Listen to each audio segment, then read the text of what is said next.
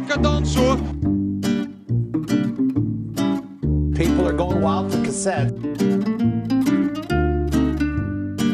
Waar is je fiets? In Mexico wendt een Nederlandse amateur op dit moment aan de hoogte. Zijn poging om Bradley Wiggins van de troon te stoten was een idee van zijn trainer. En nu zit Dion Beukenboom met een kaalgeschoren hoofd en akelig afgetraind lichaam op bijna 1900 meter boven zeeniveau. In Aguas Calientes. Op die baan moet het gebeuren. Hij wacht, hij traint en hij schaaft aan details. Tot het moment daar is. Dit, dit is gewoon echt, het staat super scherp gewoon. Ja, we brengen je tot 48 minuten met die totale strategie en dan moet je het zelf maar uitzien. Dion Beukenboom uit Amsterdam is dan veruit de snelste. Toen wist ik van nou, Dion kan dit een uur fietsen en hij heeft qua aerodynamica eh, heeft hij deze waardes. Verbetering van het record zit erin.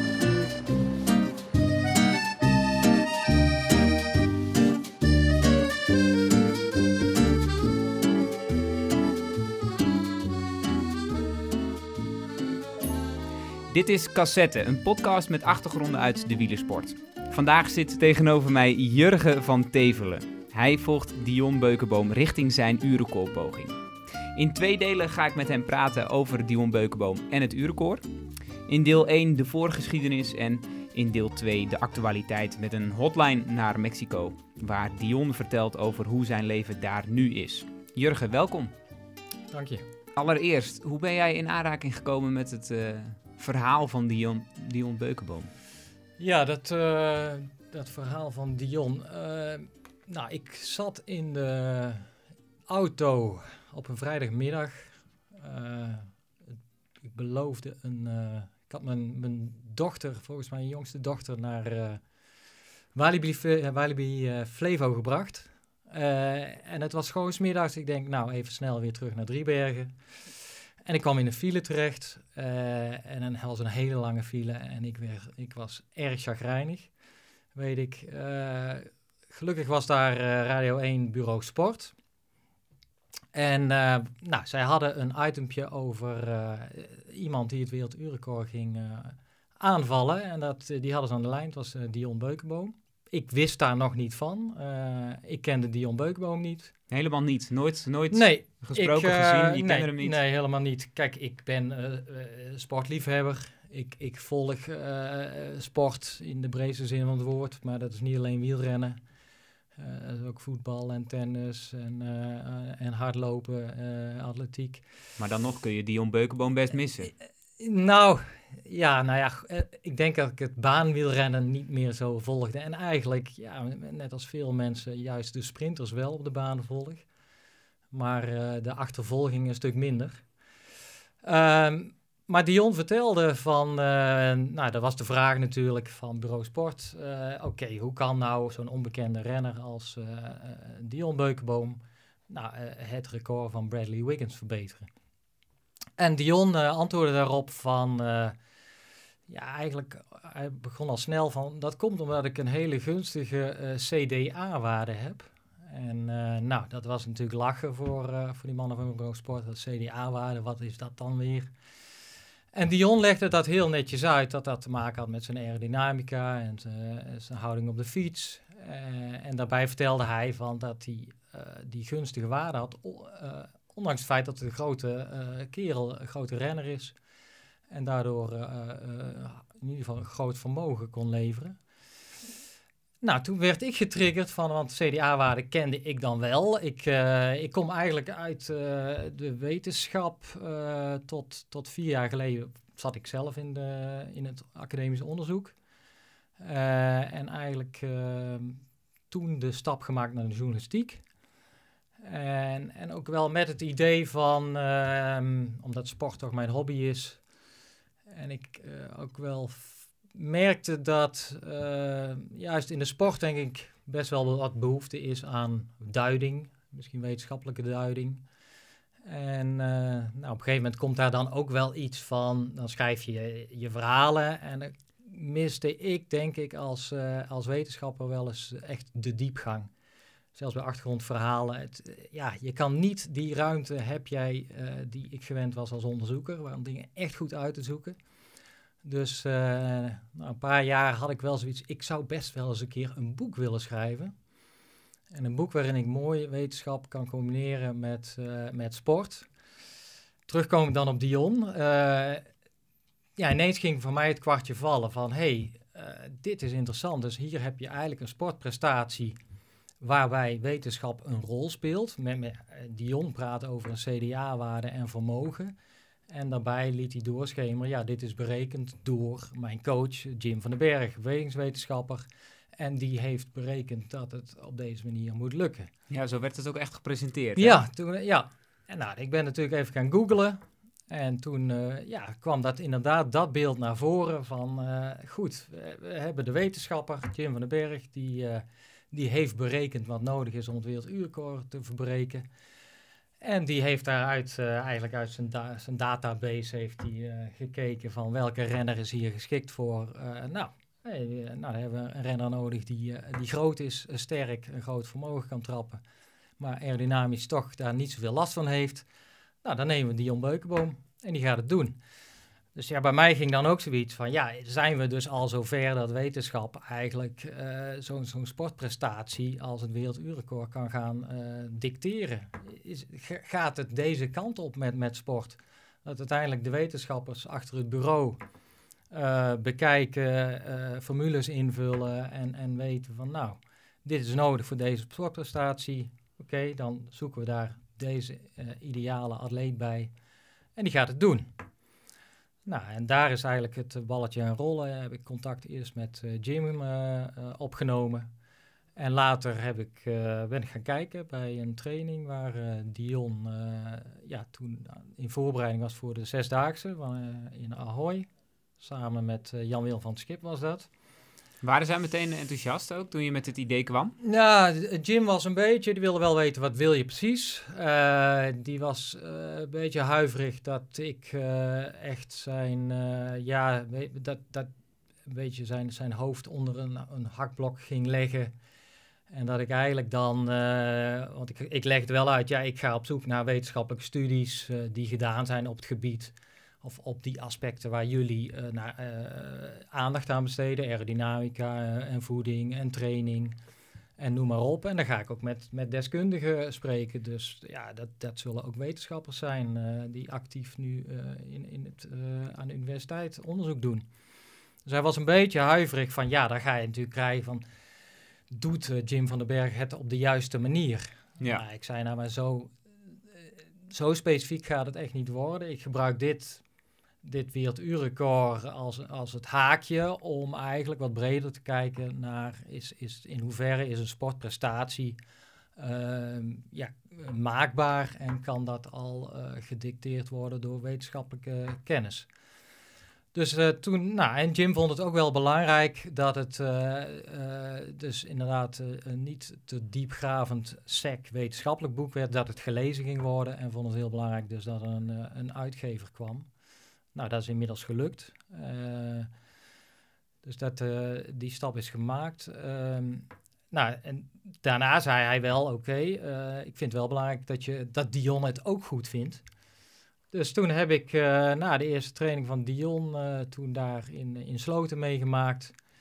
Ja, toen keek ik wel mijn ogen uit, want Dion was niet de robot die ik voor ogen had toen ik puur op papier uh, dat, dat werelduurrecord beschouwde, of die poging, met het idee van ja goed, dit, uh, hij hoeft alleen maar te trappen en een bepaald wattage te halen en netjes op zijn fiets te zitten. Dit was gewoon een hele openhartige jongen. En het liep allemaal nog niet zo lekker bij die training. En daar was hij ook heel duidelijk in dat hij ja, baalde en ja, deed hij eigenlijk uh, nou, op, op dat moment uh, was het niet zo'n hele zelfverzekerde jongen die zei van nou, ik, uh, ik ben klaar om het werelduurrecord aan te ja. vallen. Dat was natuurlijk pas december vorig jaar. Dus was nog een lange tijd te gaan.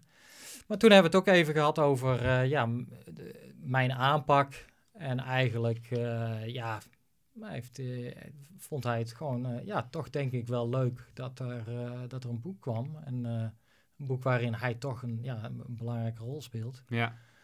Uh, dus ja, toen is het eigenlijk gaan, gaan rollen. Ja. Um, laten we even, eh, want Dion heeft hier ook in de, in de podcast Ja. gezeten. Dat was in maart. Mhm. Ehm, laten we even naar een fragment gaan luisteren waarin eh, hij ook over die eerste aankondiging van Jim eigenlijk eh, het heeft eh, om dat uurrecord aan te gaan vallen. Ja, het, het, het begon eigenlijk twee jaar geleden. Toen, eh, toen had ik net de Spelen gemist. Toen zei die Dion, weet je wel, kap er lekker mee met dit, de manier leven zoals je het nu doet. Je moet gewoon wat anders gaan doen. En je moet, eh, wat, wat dat denk je ervan om dat uurrecord te gaan aanvallen? Toen zei ik, ja Jim, ten eerste slaat het helemaal nergens op. En ten tweede, ik heb nu even wat andere dingen aan mijn kop. Ik moet inderdaad... gewoon- dat record van Wiggins al, hè? ja, ja, ik moet eerst maar eens gaan bedenken of ik überhaupt het wielrennen nog wel mooi vind. En toen heeft hij me wel weer een beetje erin gepraat van, eh, weet je, maar vooral zi- zijn, ik, ik deed alles een beetje naast elkaar. Ik ging een beetje studeren, maar ook, ik wilde ook wegprof worden en ik wilde ook nog eens een hele goede baanwielrenner zijn. En toen zei hij ook van, je onderschat het baanwielrennen wat jij kan, dat onderschat je altijd. Je bent gewoon mondiale top. Dus waarom ga je daar niet wat meer je best voor doen? En dan laat je dat wegwielrennen gewoon een beetje varen, want ja, je, je moet gewoon niet, niet op meerdere paarden gaan wedden. Mhm. Nou, het was ik wel met hem eens eigenlijk. Dus toen heb ik het EK gedaan, werd ik derde. Nou, dat was voor mij echt een soort openbaring. En dat, dat, dat gaf me ook wel een heel goed gevoel na het missen van de Spelen. Van ja, ik, ik, je kan dus wel iets gewoon, zeg maar. Maar toen met het urenkoor zei ik wel van ja, dit, ik kan die mentale druk nu niet aan. Ik voelde me gewoon niet eh, mentaal sterk genoeg. En zeker fysiek ook niet.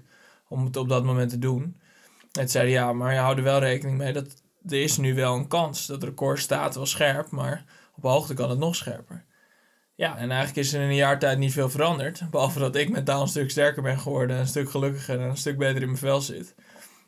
Dus eigenlijk eh, precies een jaar later benaderde hij me nog een keer. En eh, ja, toen hebben we het er gewoon, toen, hebben we het wat, wat uitgebreider over gehad. Van nou, wat is er dan nodig? En toen heeft hij mij ook een beetje uitgelegd aan de hand van die formule hoe hij het voor zich zag. Ja, toen dacht ik al wel van, nou ja, weet je, het wordt wel interessant. En ja, de waarde die hij had genomen, dat is een waarde die ik, eh, die ik twee keer heb getrapt op het NK tijdrijden. Nou, dat is een uur. wattage? Ja, een wattage op een uur.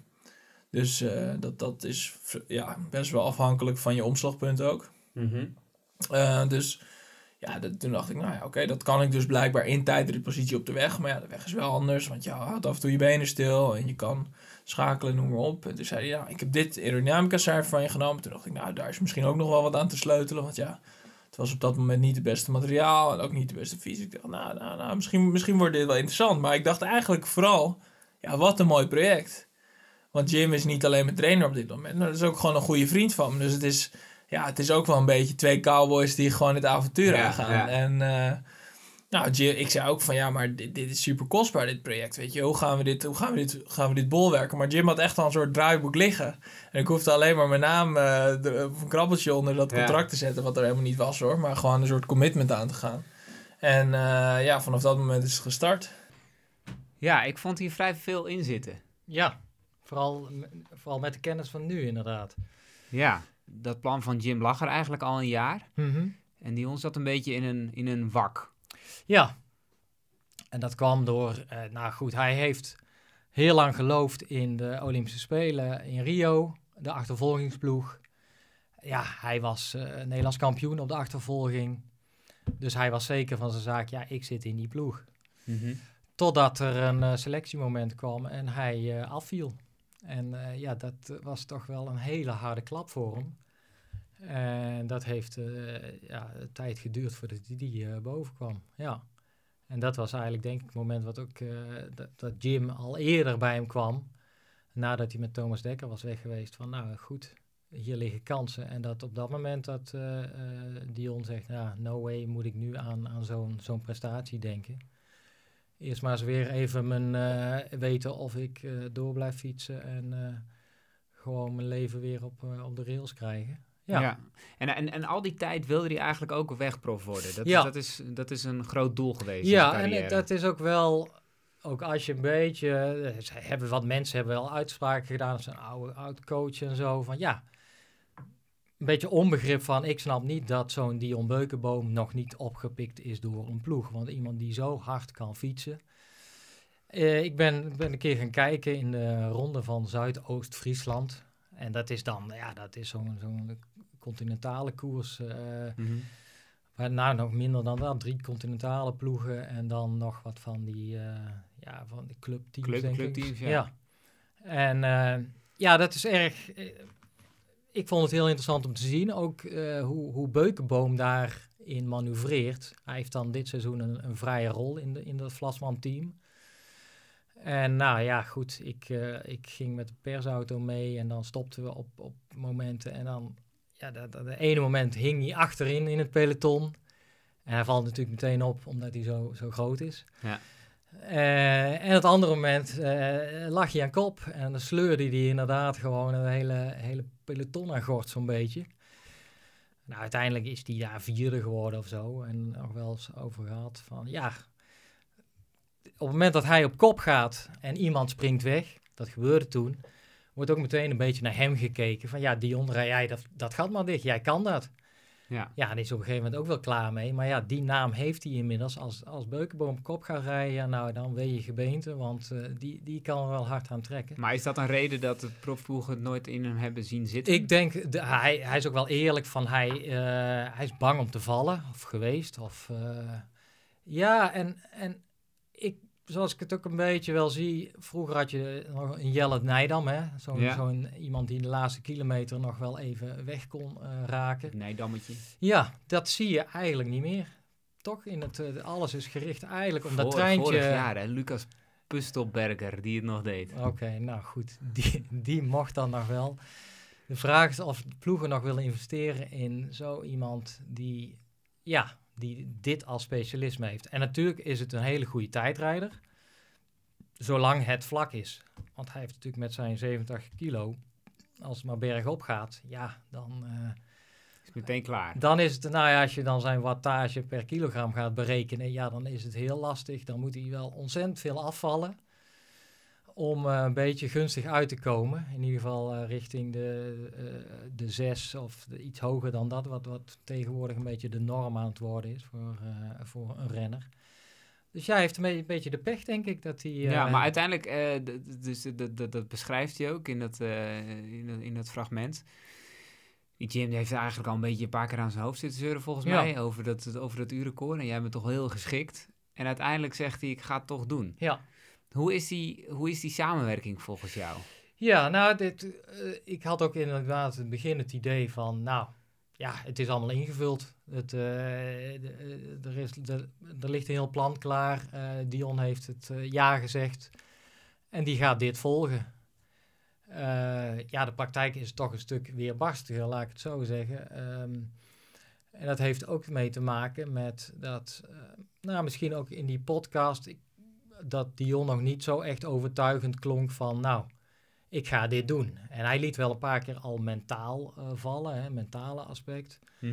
En, en dat is wel iets waar ik gemerkt heb van ja, je, je- tuurlijk, fysiek moet het allemaal kloppen en kun je dat invullen in de formule, maar daar is geen plek voor eh, de mentale component.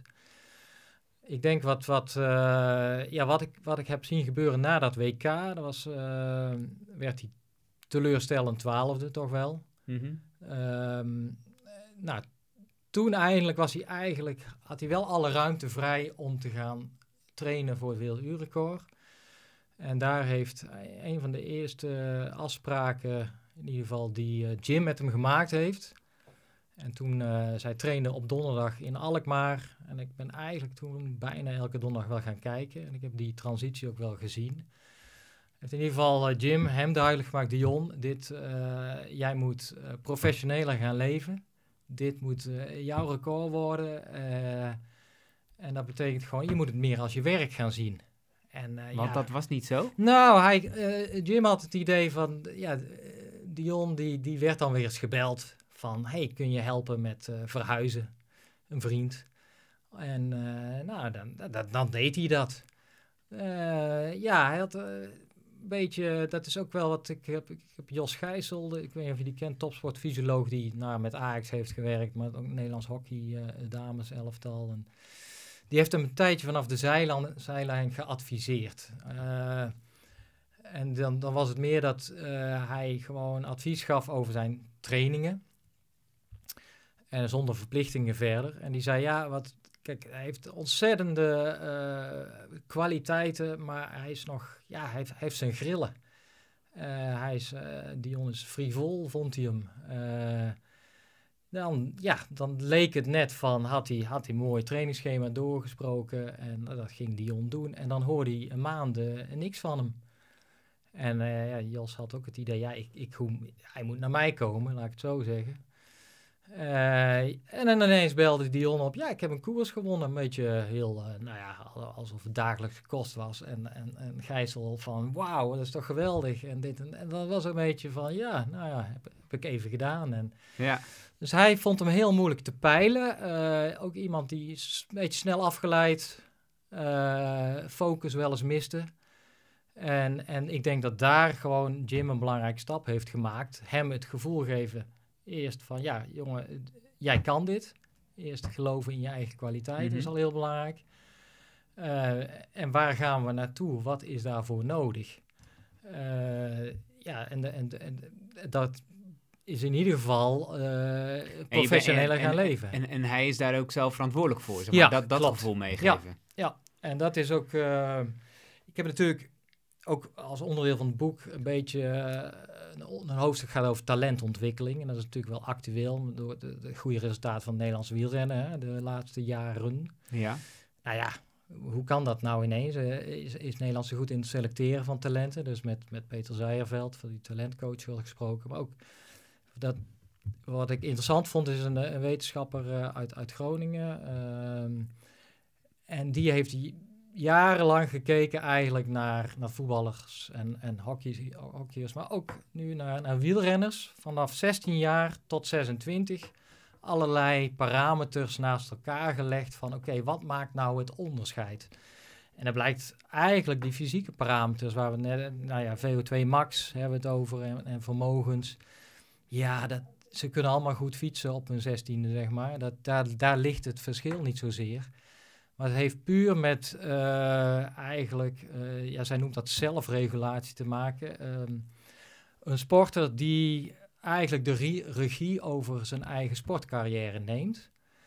En niet zozeer van dat hij het allemaal zelf moet uitzoeken, maar wel weet van, hey, hier sta ik, hier wil ik naartoe, wat heb ik daarvoor nodig? En daar uiteindelijk ook naar gaat handelen. Dus, ook, eh, dus eerst gewoon eens weten wie ik ben en wat kan ik, waar wil ik naartoe? En uiteindelijk het gedrag dusdanig veranderen dat je daar komt. En dat is natuurlijk, ik denk dat Jim daar eh, uiteindelijk heeft hij Dion daarin begeleid. Eh, omdat, ja, ik denk ook uit dat gesprek van, van kijk, Dion kende dit niet, heeft natuurlijk altijd in, in amateurploegen eh, gezeten. Ja, daar heb je niet zo'n één op één begeleiding. En ja, ik denk dat hij van nature daar behoefte aan had. Iemand die hem stuurde in die stappen. En dat heeft, eh, ja, dat is denk ik de rol van, van Jim geweest. Door eerst is het stel oké en nu gaat, nou, we gaan het professioneel aanpakken. Je moet af en toe nee zeggen tegen eh, die vrienden die iets van je willen. Je gaat gewoon na een training met je benen omhoog zitten op de bank.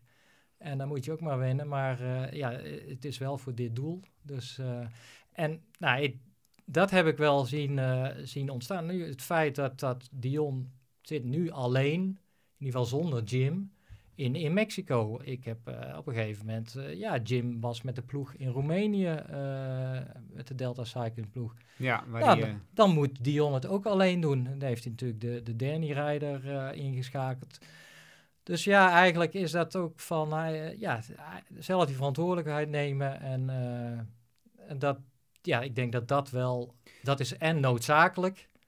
Want ja, eh, eh, je, het is geen record van, eh, en, en Dion is niet die robot die je even aanzet en ga maar een uur rijden. En ook dat geloof in, in eigen kunnen. En ik denk, ja, ik weet niet of jij dat, dat interviewtje hebt gezien bij de NOS na die eh 60 minuten test. ja, dat werd uiteindelijk geframed in die... Ja, in- in Mentale de- strategie. Ja, in de mentale strijd. ja, nou, ik was daar wel bij, want ehm, en, eh, wat ik wel interessant vond, nou, hij baalde natuurlijk ergens wel dat na 40 minuten hij omhoog moest, eh, last van zijn, eh, van zijn kont vanwege de verkeerde zeem. Ja, want dat uur in die positie zitten is, is een van de grootste Ja. uitdagingen. En als je een 60 minuten test gaat doen, Ja, dan zit in je kop, ik moet blijven zitten, ik moet blijven Ja. zitten, ik moet blijven zitten. En op het moment dat je je willen van het zadel ligt, heb je verloren eigenlijk. ja. En dat was wel, eh, ja, die, die Toft Madsen, ja, die, eh, die het laatst heeft geprobeerd. Die ja, de tot poging, heel eh, goed. een paar weken geleden. En uiteindelijk trok die die houding ook niet. En, nou, Negen keer kwam die Ja. omhoog. Ja, en dat wist ook precies. dus Dion te melden na afloop. Hij had, nou, hij was toch wel, nou ja, kijk, wat een beetje gek was bij die test, vond ik. Ik heb, ben vaak geweest op donderdag. De test in de 60 minuten test Ja. van eh, in Alkmaar. Dus in Alkmaar was meestal, eh, ja, eh, Jim was er, de man achter de dernie, een mechanicien soms en ik. En ineens was daar die 60 minuten test en het was hartstikke druk. Twee cameraploegen, er wordt ook nog een documentaire van gemaakt, dus, dus eigenlijk drie cameraploegen. Nou, allemaal mensen die ik ook niet eerder heb gezien. En die camera's die zaten vol op hem. Ik bedoel, ook bij het, bij het inrijden al en bij de warming-up. En, en, en Jim, die, die zag ook wel van ja, hij heeft niet de focus die je mag verwachten van iemand die ja, nu een 60 minuten of Ja. eh, test gaat doen. Ja, dus dat was denk ik ook een, een goede les. Kijk, zij zijn ook altijd helder, ja, maar het is een test. Dus eh, kijk, en je doet een test om erachter te komen wat niet lekker loopt. Nou, in dit geval was de zeem die verkeerd gekozen was. Ja. Maar wat, wat dus gebeurde, hij had echt, nou ja, hij hield het vol, dat is, dat is een plus. Eh, na afloop was natuurlijk hij, eh, Dion van zijn fiets af en die camera's renden met hem mee en zaten er bovenop. En ja, hij was natuurlijk even niet, niet, niet de happy camper. Maar ja, hij, hij liep ook weg. Nou, een beetje teleurgesteld. Boos viel nog wel mee. Eh, Jim vroeg nog, ja, wil je uitrijden achter de Danny? Ja, nee, eh, te veel last van mijn kont, gaan we niet doen. Nou, en dan die, der- die, die cameraploegen achter hem aan. Nou, ik denk, ja, dit is natuurlijk ook niet, eh, dit is niet fijn voor, voor iemand die net toch Nee. ja, even niet, niet die test heeft kunnen afmaken zoals die denk ik toch wel had gewild. Maar hij komt tien minuten later gewoon terug, fris, eh, eh, gedoucht. En eh, nou, gaat dat interviewtje. Nou, dat deed hij heel netjes, gewoon zelfverzekerd van, nee, ja goed, hier kunnen we aan werken. En, en nou ja, die, die vragen, de, het bleef, maar dat, dat kwam uiteindelijk denk ik niet terug in dat interview. Maar ja, er werd wel drie keer gevraagd van, ja, wat als Tom Dumoulin nu vandaag had gereden? Had hij, eh, had hij verder dan jou gereden? Ja, dat was natuurlijk, moet, dan, dan moest Dion natuurlijk een beetje, ja, gewoon eh, zakelijk antwoorden en, en professioneel Ja, antwoorden. maar, maar zeg je daarin die omschakeling Ja. van Zeker. naar Ik- de zelfverzekerde die ervan overtuigd is, Ja. die het heft in eigen handen heeft genomen? Ja. En dat ik ook, dat hij gewoon, dat is ook een, een een onderdeeltje van die mentale strategie wel. Ehm, ik heb ook even met, met, eh, met zijn, ik heb hem natuurlijk gezien en, en later ook met zijn eh, men- mentale coach eh, eens een keer gesproken. En wat die zei, en dat, dat klopt wel, dat, dat Dion, die legt die lat behoorlijk hoog. Is gewoon echt prestatiegericht en kan moeilijk genieten van succesjes. Dus die, die mental coach had erover dat hij echt nog moest, hij moest eh, ja, leren genieten van, ja, van een overwinning. Of van, eh, ja, en dat kan dus gewoon zijn een, een goede test of in het krachthonk eh, je, je kilo's drukken die je wil. En dat had Dion vaak van, hij stelde zich wel doelen en dan haalde hij dat doel, maar dan was er altijd iets, ja, maar dit liep toch niet helemaal lekker. Of dit, en dus heeft hij ook die mental coach heeft, heeft hem geleerd. Ja, nee, wat hadden we afgesproken? Dit doel, dat heb je gehaald. En dat is denk ik ook wel iets wat, eh, ja, wat, ja, wat gebeurd is. Dat hij nu veel helderder heeft per test. Oké, waar gaat het hier om? Tjak, en als ik dat bereik heb, nou dan is dit goed. Dan ben ik tevreden. En niet blijven eh, zoeken naar verbeterpunten.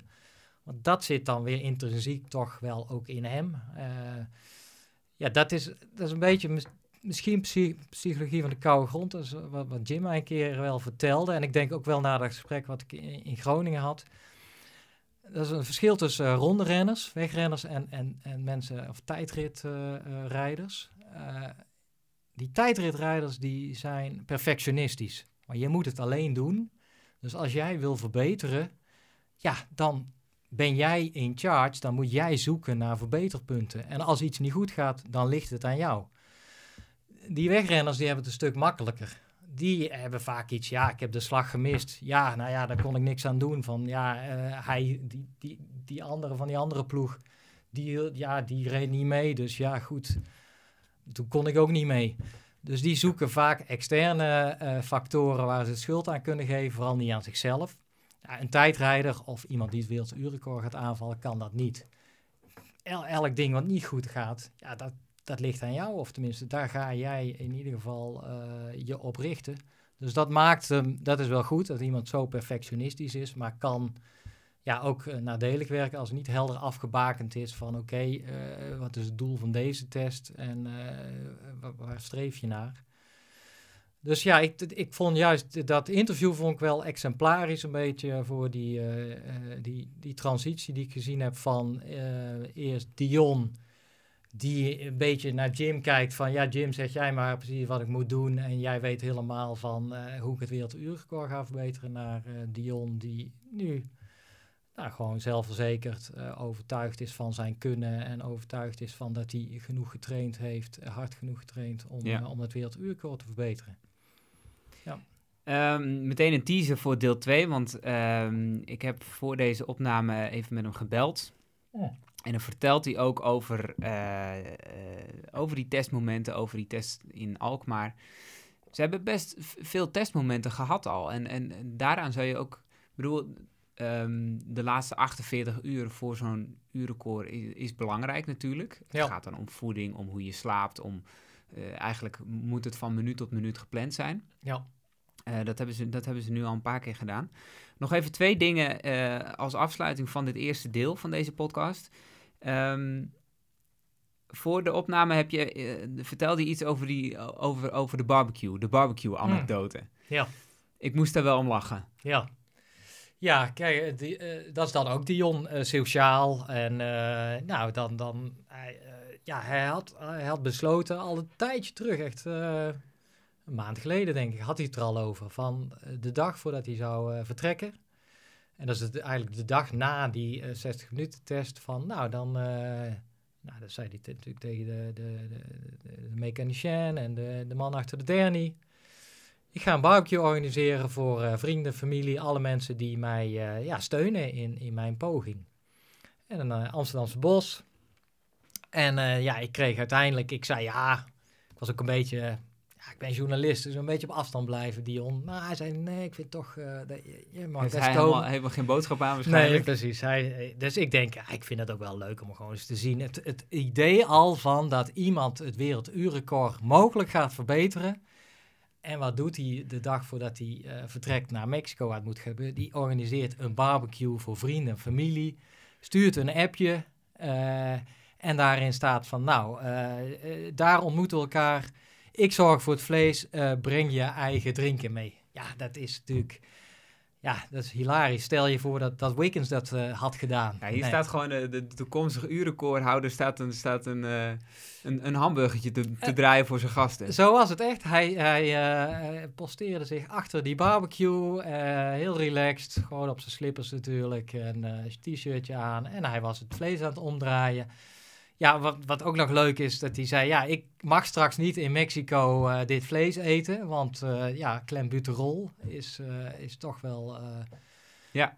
bekend dat in, in Mexicaans vlees dat gevonden wordt. Intussen Dus- geaccepteerd door de WADA dat dat zo Ja. is, zeg maar. Dus, ja, dus, in ieder geval voor, voor. Usain Bolt. Ja. Of, ja. ja, dat klopt. Dus maar nee, ja, ik heb daar dus toen eigenlijk ook, ook zijn familie inderdaad gezien. En eh, nou, uiteindelijk werd op dat moment ook zijn haar afgeschoren door zijn vriendin. Ja, hij had lange blonde Ja. manen en die gingen er volledig af. Ja, en eh, nou ja, het was wel in de eerste instantie deze alleen maar het voorkantje. Dus eh, Een soort Beetje- Kids kapsel ja, had hij inderdaad. precies. Ja. En nou, uiteindelijk ging alles eraf. Ah, ik, het staat hem goed. Ja, In ieder geval, eh, small Becky. ja. En ter afsluiting, ehm, een historisch verhaal. Want eh, het Werelduurrecord heeft een grote historie. Ja. Wat Dat, is jouw eh, favoriet uit, ja, uit die historie? ik- nou, ik, eh, nogmaals, dat boek, daar staat Ja. bol van voorbeelden. Jij had volgens mij in je vorige podcast, dus denk ik ook nog wel leuk om terug te luisteren, dat, dat verhaal van Jan van Hout. Ja, Die uiteindelijk, om, omdat de afmeting van de baan niet klopte en dat, dat eigenlijk de man van wie die dat record afpikte, die, die, vertrouwde het niet, die klom over het hek en ging met een duimstok gewoon die baan opmeten. Ja, en, en ja. die ging dat aankaarten bij de UC van ja, hier klopt iets niet. Maar uiteindelijk, als we echt naar de historie kijken, ja, er is er eigenlijk maar één Nederlander die ooit eh, echt officieel het werelduurrecord in handen heeft gehad. En dat is, weet jij het? nee, ik weet het niet. is, Nee, nee. eh, Frans Slaats. De man uit Waalwijk, zeggen we dan. Ja, ik, eh, ik ken hem ook niet. Welke tijd praten we Eh, over? 1937 en die reed toen eh 45 kilometer en 485 meter. En, en, en wat gewoon, ja, wat, wat, een paar dingen. Eh, Ik zal straks, als het goed is, een, een stukje gewoon even lezen van hoe dat toen ging. Ja, En vergelijken eigenlijk met hoe dat nu gaat. Nou, hij- kijk, hij is uitgekozen, dat is ook wel weer grappig. Van, hij was zelf niet eh, meteen van ik, ga, ik ben geknipt voor de werelduurrecord. Hij is uitgekozen door journalist.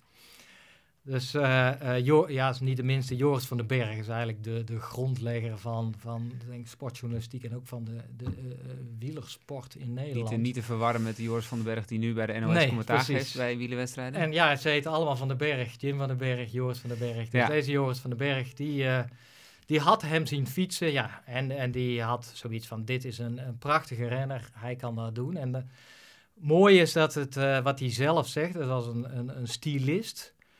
En dit, dit zijn zijn eigen woorden van Frans Laats. Eh, als ik aan een achtervolging ging bezig was, kon je een glas bier op mijn rug zetten. Aan de finish was er nog geen druppel gemorst. Zo stil zat ik, alleen mijn benen bewogen. Ja, dat is natuurlijk fantastisch, hè? Ja. Ik wil, ja, Beukenboom zit mooi op zijn fiets, maar die, die test heb ik nog niet gedaan met hem. Nou, wat uiteindelijk moest hij ook Slaats overtuigen van, ja, jij moet dat werelduurrecord gaan doen. Eh, ja, dat duurde even, want hij kreeg een lintworm. Was een paar jaar een beetje uit vorm daardoor. En uiteindelijk eh, zijn, zijn zij afgereisd naar eh, Milaan, want dat was toen de, de Vignorelli-baan, dat was de snelste op dat moment. Nou, en, wat, hoe dat toen ging, is nou, eerst onderweg gingen ze naar Zurich met, met z'n drieën. Hij met eigenlijk zijn maatje voor de achtervolging.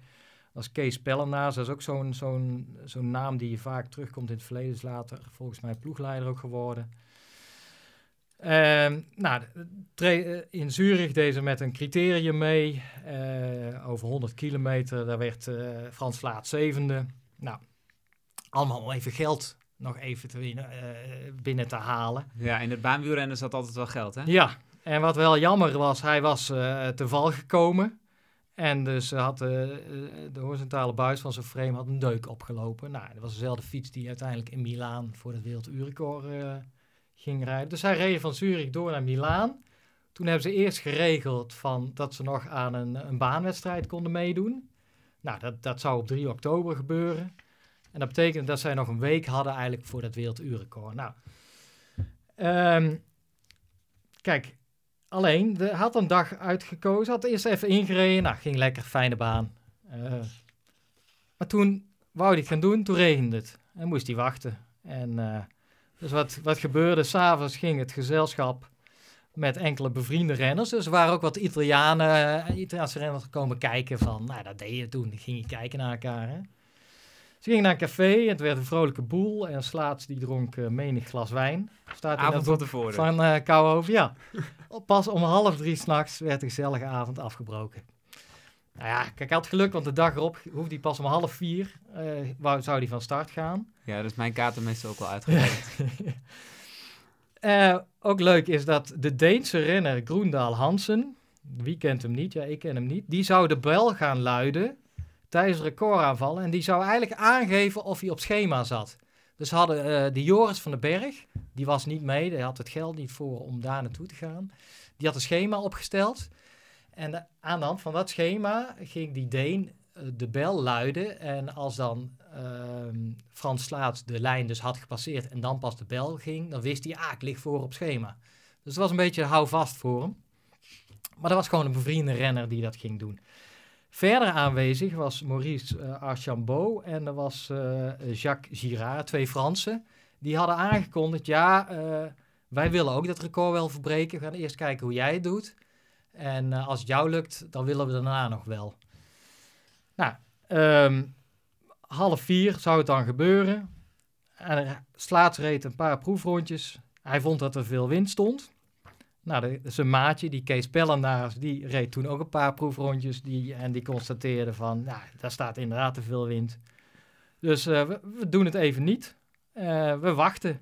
Nou, die Girard was pissig, want die had zoiets, ja, maar ik, ik ga vanavond ook nog. Ik wil naar jou. Dus die had zoiets van, ja, straks is het uh, donker of is iedereen weg. hoe zit dat nou? Goed, officials erbij, die zeiden, nee, eerst mag Frans Slaats en... Dus we, we gaan gewoon wachten. Nou, uiteindelijk heeft hij om... Uh, het viel wel mee, want 16 uur 48 was de wind vrijwel verdwenen. En uh, toen is hij gaan rijden. En uh, nou, dat, dat schema is aangehouden. ook leuk van de Berg, die had hem opgedragen zeer snel te vertrekken, omdat hij ervan uitging dat het beter is een voorsprong te verdedigen dan een achterstand goed te maken. Al dus de wetenschap van 1937. Precies, ja. Nou, uiteindelijk lukt het hem.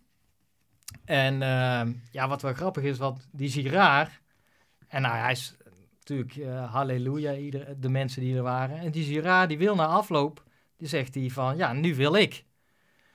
Maar ja, het zat de Fransman niet mee, want uh, de sensationele, sensationele recordverbetering van, van Slaats eiste alle aandacht op. De officials verlieten de piste om hun formulier in te vullen. Het publiek, dat in grote getalen op de tribune had gezeten, Slaats enthousiast had aangemoedigd, vertrok. Dus toen Girard met zijn fiets aan de hand op de baan verscheen, was er niemand meer. Hij zocht er vergeefs naar tijdwaarnemers en commissarissen, maar de Italianen waren allemaal naar huis. En, en toen had hij zoiets, nou dat is ook prima, dan uh, doe ik het morgen wel. Uh, kan ik thuis ook nog eens even kijken uh, ja, of ik mijn rondetijden ga aanpassen. Ja, dat, dit, dit soort verhalen, dat... ja, prachtig. Ja, Goed, uh, tot zover deel 1 van deze podcast Prima. over Dion Beukenboom en zijn aanval op het werelduurrecord.